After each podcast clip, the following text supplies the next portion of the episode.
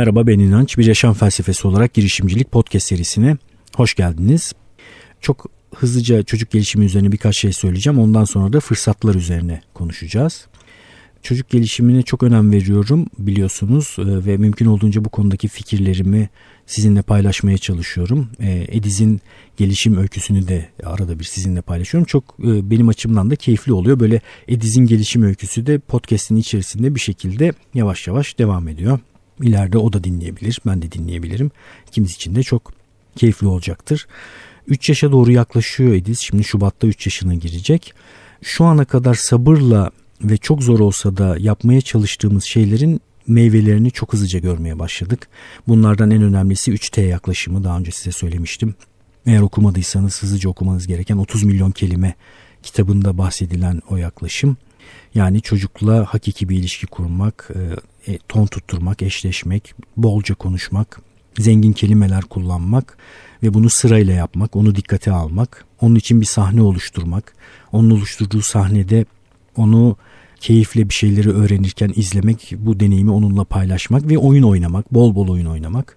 Gerçekten çok oyun oynuyoruz Ediz'le. İşte yaklaşık iki seneyi geçti. Hiç televizyon e, açık değil. Bazı gittiğimiz evlerde televizyonun açık olduğunda bir şeyleri izliyor. O kadar da böyle saplantı düzeyinde ekrana bulaşmasın demiyoruz. Mesela anneannesiyle dedesiyle Andrew Rio izliyor. E, konser izliyor. E, işte bir takım çizgi filmleri izliyor.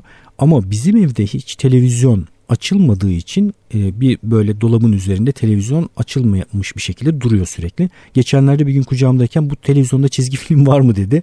Yok ediz dedim pek çalıştırmıyoruz o televizyonu çizgi filmi arada işte e, dedenle birlikte izleyebilirsin dedim. O da bir şey demedi. O onun için çalışmayan bir televizyon. Bizim için de çalışmıyor şu aralar. 3 e, yaşa kadar en azından böyle olması gerekiyor. Bunun gerçekten çok faydasını gördük. Şu anda oyunlarını getiriyor. Bizimle oyun oynamaya çalışıyor. Kitaplarını getiriyor. Kitap okuyoruz. O kısa sürelerde ekranla muhatap olduğunda bile ne kadar kaygısının arttığını görebiliyorum. Faydaları var tabii ki muhakkak ama götürdüğü getirdiğinden çok daha fazla aman dikkat diyorum e, ekrandan mümkün olduğunca en azından 2 yaşa kadar sıfır ekran. Sıfır. Sıfır yani sıfır. Hiç yok. Ekran yok. Çok kolay. Yemek yedirmek çok daha kolay. Arada ekranın başına onu verip kendi işinize bakmak çok daha kolay. Ama bunu yapmayın lütfen. 3 yaşa kadar özellikle çok ciddi insanüstü bir gayret göstermek gerekiyor çocuğun kaliteli bir e, deneyime sahip olması için. Ama bunu gösterdiğinizde meyvesini görüyorsunuz. Şimdi Ediz'de görüyoruz gerçekten böyle pırıl pırıl soru soran, merak eden, sürekli neden diye soran, kitap okuyan, oyun oynayan bir çocuk. Sizlerden de ricam eğer bu kadar küçük bir çocuğunuz varsa 3 yaşa kadar sabretmeniz. Sabrettiğinizde ve yaptığınız işin değerli olduğunu hissettiğinizde bunu yapacak gücü de kendinizde buluyorsunuz. Ben de tabii ki e, kendi vaktimi kendi yapmak istediğim şeylerle geçirmeyi seviyorum ama Ediz'le yan yanayken benim vaktim tamamen Ediz'e ait durumda. Boş yok öyle söyleyeyim size. Hiç sıfır. Her an bir şey yapıyor. Her an bir şey bir şey öğrenmeye çalışıyor. Ben de yeniden çerçeveleme demiştim ya bunu yeniden şöyle çerçeveliyorum. Ediz'in gelişimi için e, bir tür yatırım benim yapmam gereken bir yatırım olarak düşünüyorum. Bunu onun iyiliği için ve gelişimi için yaptığım için de e, benim için de o kadar zor gelmiyor artık. Benim için de eğlenceli. Ben de keyif almaya çalışıyorum. Ben de eğlenmeye çalışıyorum. Oynamak, konuşmak, ona sahne kurmak önemli şeyler. Şimdi fırsat kısmına geçelim. Fırsat meselesi bir süredir kafamı kurcalıyor. Sizinle de paylaşıyorum. Enteresan bir şey fırsat. Girişimciliğin merkezinde de fırsat ve fırsatları görmek var. Bazı insanlarda fırsat çokluğu var bu fırsat çokluğundan neyi yapacaklarına karar veremiyorlar. Bazı insanlar da fırsatları göremiyorlar. Fırsatla ilgili temel çelişkiyi daha önce konuşmuştuk. Bazı fırsatları kaçırdığınızı bile bilmiyor olabilirsiniz. Yani size de kapalı olabilir kaçırdığınız fırsatlar. Onun için hayatın içerisinde fırsatları görüyor olan bir noktada bulunmak önemli. Fırsatları görmek için de fırsatın ne olduğu üzerine düşünmek lazım.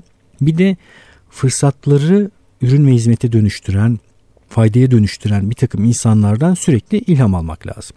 İşte bu fırsat düşüncesi içerisinde fırsatla ilgili araştırırken e, Harvard Business Review'da rastladığım bir makale ilgimi çekti. Bir checklist vermiş Doug Andrew ve fırsatlarınızı bu checkliste bakarak e, önceliklendirebilirsiniz demiş. Güzel bir düşünce çerçevesi onun için sizinle paylaşmak istedim. Özellikle Bir iş fırsatını nasıl değerlendirirsiniz sorusunu soruyor. İş fırsatlarını değerlendirirken ya da strateji geliştirirken çok kullanılan bir teknik vardır. SWOT analizi. Güçlü yönler, zayıf, zayıf yönler, fırsatlar ve tehditler. Ee, MBA yapanlar bu çerçeveyi bilirler. Benim pek ısınamadığım bir tekniktir SWOT. Yani stratejik planlama çalışmaları sırasında da bir şekilde yapılır ama ben bir güdük tarafı olduğunu düşünmüşümdür hep SWOT analizinin. Çünkü SWOT analizi insanları aktüel duruma, var olan duruma biraz gömmeye başlıyor, çalışıyor. Fırsatlar kısmında ve tehditler kısmında biraz daha potansiyel bir bakış e, sağlamaya çalışıyor ama aktüel potansiyel ayrımını bilmeyen, bu mesele üzerine düşünmemiş bir takım insanlar yapınca bu SWOT'u e, ezbere ve klişe bir takım şeyler ortaya çıkmaya başlıyor.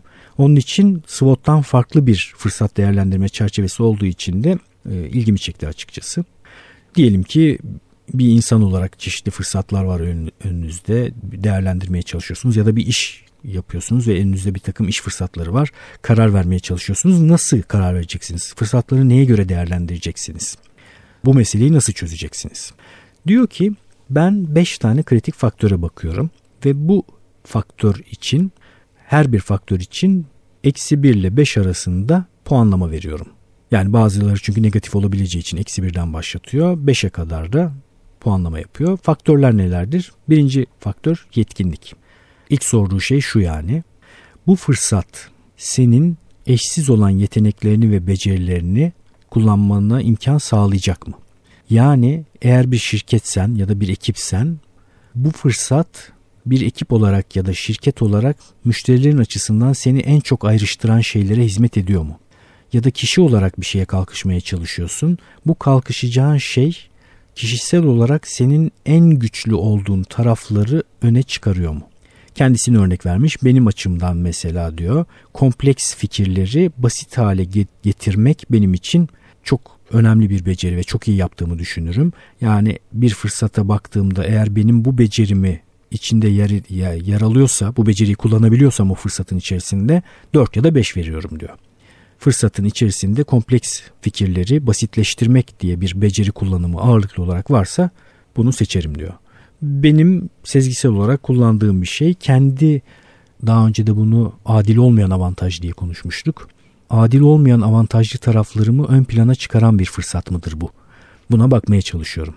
Neden? Çünkü adil olmayan avantajlarım çok ciddi maliyet oluşturmadan benim diğer ürün ve hizmetlerden çok ciddi manada ayrışmamı sağlıyor. Başkaları o şeyi sağlamak için çok ciddi para harcamaları gerekirken ben bende olduğu için bu beceriyi kendi girişimimde çok rahat bir şekilde kullanabiliyorum. Bir de tabii ki orada yüksek bir damak tadım olduğu için fırsatları da daha iyi görebiliyorum potansiyelleri de daha iyi görebiliyorum. Birincisi yani beceri ve yetenek açısından kişi ya da kurumun en güçlü olduğu yönleri kullanmasına imkan veren bir fırsat mıdır bu? Eksi 1 ile 5 arasında bunu önce puanlıyorsunuz. 2. Ödül demiş ama biraz açmamız lazım. Bazı durumlarda diyor parasal ödülden bahsetmiyor yani onun için netleştirmiş. Bazı durumlarda maddi getiriden çok daha yüksek bir manevi getiri olabilir diyor. Mesela ee, bir özel merkezdeki ergenlere yapacağım bir konuşmayı bir tarafa koyalım. Bir de çok daha geniş bir kitleye çok daha yüksek paralarla yapacağım bir konuşmayı bir kenara koyalım. Birincisi gönüllü bir çalışma. O ergenler ve çocuklarla yapacağım çalışmanın etkisinin çok yüksek olduğunu düşünüyorsam bu durumda finansal olan getiriyi göz ardı edebilirim diyor. Başka bir açıdan bakmış. Mesela diyor bazı durumlarda da çok küçük bir gruba ama influencer olan sosyal medyada influencer olabilir, bir alanda influencer olabilir. Yani insanları etkileyen, kararlarına etki yapabilen bir küçük gruba konuşmak çok daha geniş bir seyirciye konuşmaktan daha iyi olabilir. Onun için küçük grubu tercih edebilirim diyor bu durumda. Çünkü bütünlüklü olarak baktığımda getirilerinin daha yüksek olduğunu düşünürüm diyor. Yine baktığınızda bu şeyin getirileri açısından eksi 1 ile 5 arasında bu kritere puan vermeniz gerekiyor. Bir sonraki madde kattığı zenginliğe bakarım diyor. Yani benim hayatımı zenginleştirecek mi? Kendi konfor alanımızdan çıkmayı çok tercih etmeyiz ama konfor alanı dışına çıktığımızda e, çok büyülü şeyler gerçekleşir diyor. Neden böyle oluyor bu arada? E, bizim terimler açısından konuşacak olursak konfor alanı aktüelin olduğu alan. Konfor alanının matematiği oluşmuş zaten. Ama konfor alanı dışı yeni bir potansiyel alan. Onun için orada büyülü şeyler oluyor. Konfor alanında kaldığınız sürece sizin hayatınızın matematiği zaten az çok oluşmuş durumdadır. O matematiğin sonuçlarını görürsünüz. Mesela örnek vermiş kendisi konuşmacı olduğu için sunumlar yaptığı için daha çok o, o alandan örnekler veriyor. Diyelim ki diyor 100 tane doktora bir konuşma yapmam istendi ya da 100 tane emlakçıya bir konuşma yapmam istendi. Diyelim ki doktorlarla daha önce çalışmışım, bu tarz konuşmalar yapmışım ama hiç emlakçı bir kitleyle böyle bir konuşma yapmamışım.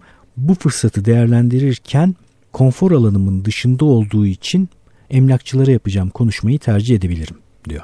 Farnham Street bloğunu da daha önce sizinle paylaşmıştım. Orada da yine e, söylenen şeylerden birisidir bu. Benim de çok dikkate aldığım bir şeydir.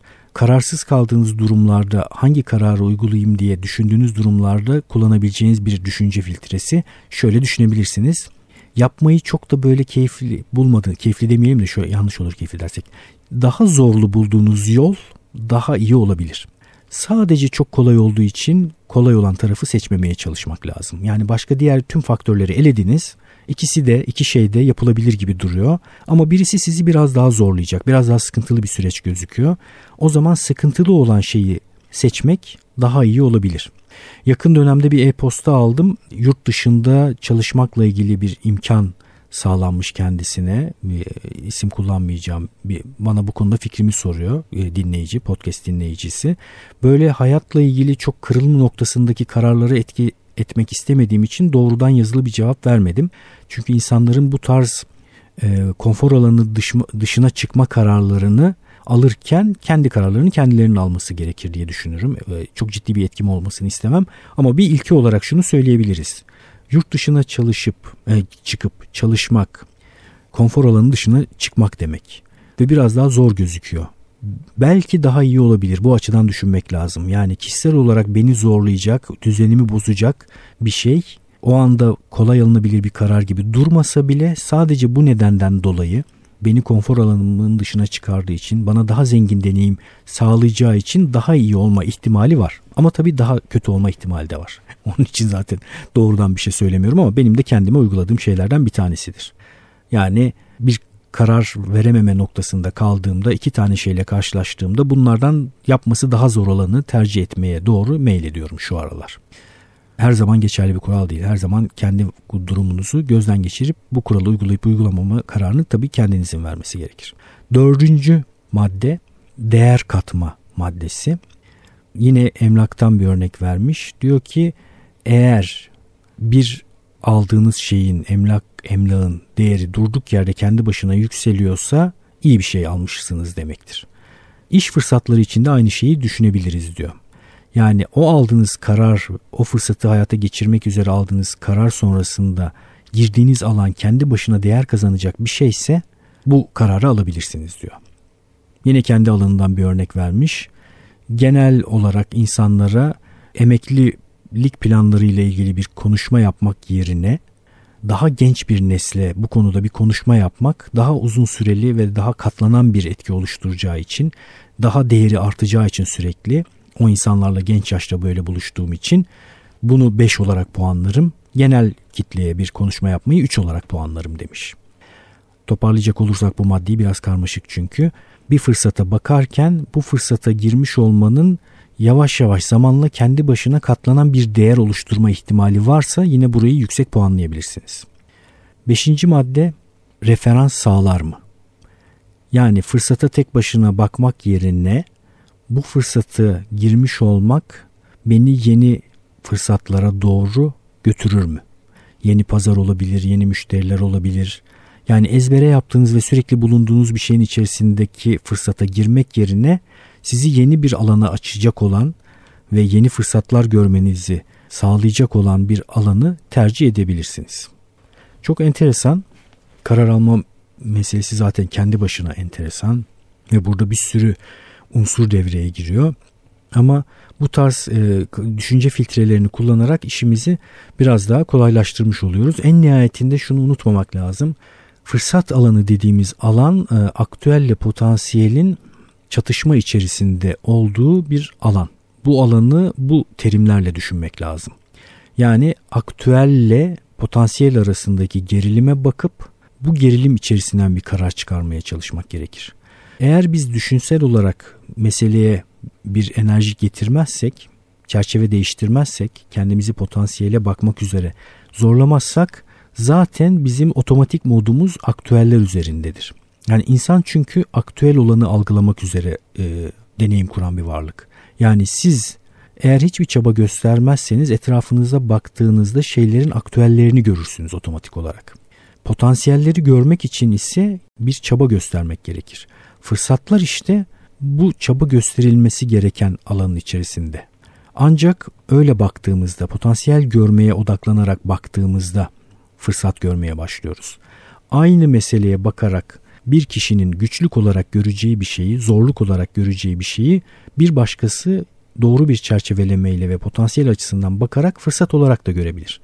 Şeylerin kendi içlerinde içsel olarak fırsat ya da tehdit olmaları muhakkak vardır ama çerçeve değiştirerek ve algı değiştirerek ve meseleye bakışınızı değiştirerek de farklı açılımlar yakalamak mümkündür. İşte günümüzde mesela otomasyon var, yapay zeka var, makine öğrenmesi var, bir sürü alanlar var. Bu alanlara yakın temasta olan insanlar olarak kendinize bunları bir tür tehdit olarak da görebilirsiniz. Aktüelde bırakırsanız bunlar tehdit olabilir. Ama bu yeni ortaya çıkan şeyleri anlamaya çalışarak ve buradaki potansiyelleri hem kendiniz hem işiniz açısından görmeye çalışarak meseleye bakarsanız her şeyin değiştiğini göreceksiniz. Çünkü aktüel bir kere görüldükten sonra hayal gücü kullanarak görüldükten sonra ve bir fırsat olarak tespit edildikten sonra zaten yapmanız gereken onu daha önce konuşmuştuk. Bu potansiyelde tarif ettiğiniz durumun açığa çıkması için, ortaya çıkması için gereken eylemleri mantıklı bir şekilde doğru eylemleri seçerek kurgulamak, seçim yaparak kurgulamak. Eğer kendinize potansiyelde bir durum tarif etmiyorsanız eylemlerinizin doğru yanlış olmasından da çok fazla bahsedemeyiz. Ancak belli bir referans noktasına göre yaptığınız eylemlerin mantıklı olup olmadığından bahsedebiliriz. Referans noktası nedir? Gelecekte tarif edilmiş potansiyel bir durum. Bunu bireysel olarak da yapabilirsiniz, kendi işiniz için de yapabilirsiniz. Şunu unutmayalım, çok aktüeli zorlayan bir takım potansiyeller tarif ediyorsanız çok daha fazla emek harcamanız gerekiyor. Çok daha fazla paydaş bulmanız gerekiyor. Çok daha fazla yatırım yapmanız gerekiyor. Ama bunun yerine kendi aktüelinizin bir katlık bir açılımını, yakın bir açılımını sağlıyorsanız eylemleriniz biraz daha kolay olabilir. Benim bu aktüel potansiyel meselesi üzerine daha önce düşünmemiş olan insanlara tavsiyem başlangıçta kendi var olan aktüel durumlarını aşırı zorlayacak bir takım potansiyeller tarif etmek yerine hızlıca meyve toplamalarını sağlayacak yakın potansiyelleri önce e, uygulamaya almak. Çünkü böyle yaparsanız şunu keşfetmiş olacaksınız. Hayatın böyle önemli sırlarından birisidir bu. Ben insan olarak kendi hayatım, kendi yaşama biçimim üzerine bir takım şeyler tasarlayarak etkide bulunabiliyorum. İnsanlarda sadece bulunan bir güç bu. Çok enteresan bir güç. Makineler, yapay zeka kendisi için bir durum tarif edip bu durumun oluşması için gereken eylemleri kurgulayamıyor. Bunu yapabilen tek bir varlık var. O da insan. Yani insan düşünüp oturup şöyle sakin kafayla bir düşünüp ben ne yapıyorum? Nasıl bir şeyin içerisindeyim? Niye böyle bir şeyin içerisindeyim? Bundan mutlu muyum? Bu durumdan mutlu muyum? Nasıl bir durum olsaydı mutlu olabilirdim? O durum nasıl bir durumdur diye tarif edip, tasarlayıp, hayal edip sonra da kendisini bu hayatın içerisine çekebilen varlık. Gerçekten çok önemli ve güçlü bir silah. Tabii ki aktüelden potansiyele gidere giderken bu yolculuğu kurgularken odağınızı içeride tutarak yılmadan batmazlığınızı yüksek tutarak motivasyonunuzu yüksek tutarak eylemlerinizin sonuçlarını sürekli kontrol edip yeni eylemler deneyerek ısrarla o şeyi yapmaya devam etmeniz gerekir. Hayattaki en önemli güçlerden birisi ısrarlı insan eylemi. Israrla yapılan, sürekli yapılan, çok yapılan şeyler çok ciddi sonuçlar doğuruyor. Evet, fırsat üzerine biraz düşünmeye çalıştık. Umarım hayatınızda bir takım fırsatları artık daha iyi görebilir hale geldiniz. Hatta daha da iyisi bu fırsatları hayata geçirmek için bir takım eylemler almaya başladınız. Benim için çok keyifli bir kayıt oldu. Umarım sizler için de dinlemesi keyifli olmuştur. İnançayar.com podcast sekmesinden bu podcast'te adı geçen kişilere, isimlere, kitaplara ulaşabilirsiniz. Ee, Instagram'dan, Twitter'dan beni takip edebilirsiniz. Ben podcast'ten geldim diye mesaj atabilirsiniz. Ben de size cevaben hoş geldin derim. e-posta yoluyla inançayar.gmail.com'dan bana e-posta gönderip soru sorabilirsiniz. Özellikle bir takım girişimleriniz varsa bir şeylere kalkışıyorsanız fikir alabilirsiniz. Hızlıca en azından ilk elde gördüğüm bir takım şeyleri söyleyebiliyorum. Birlikte bir şey yapabileceğimizi düşünüyorsanız Buna da açayım bu arada. Birlikte bir proje geliştirebileceğimizi düşünüyorsanız onu da önerebilirsiniz. Şöyle bir şeyi birlikte yapabilir miyiz? Birlikte şu değeri oluşturabilir miyiz diye. Ya da e, bir kahve içip biraz daha detaylı konuşmak istiyorsanız onu da yapabiliriz. Görüşmek üzere.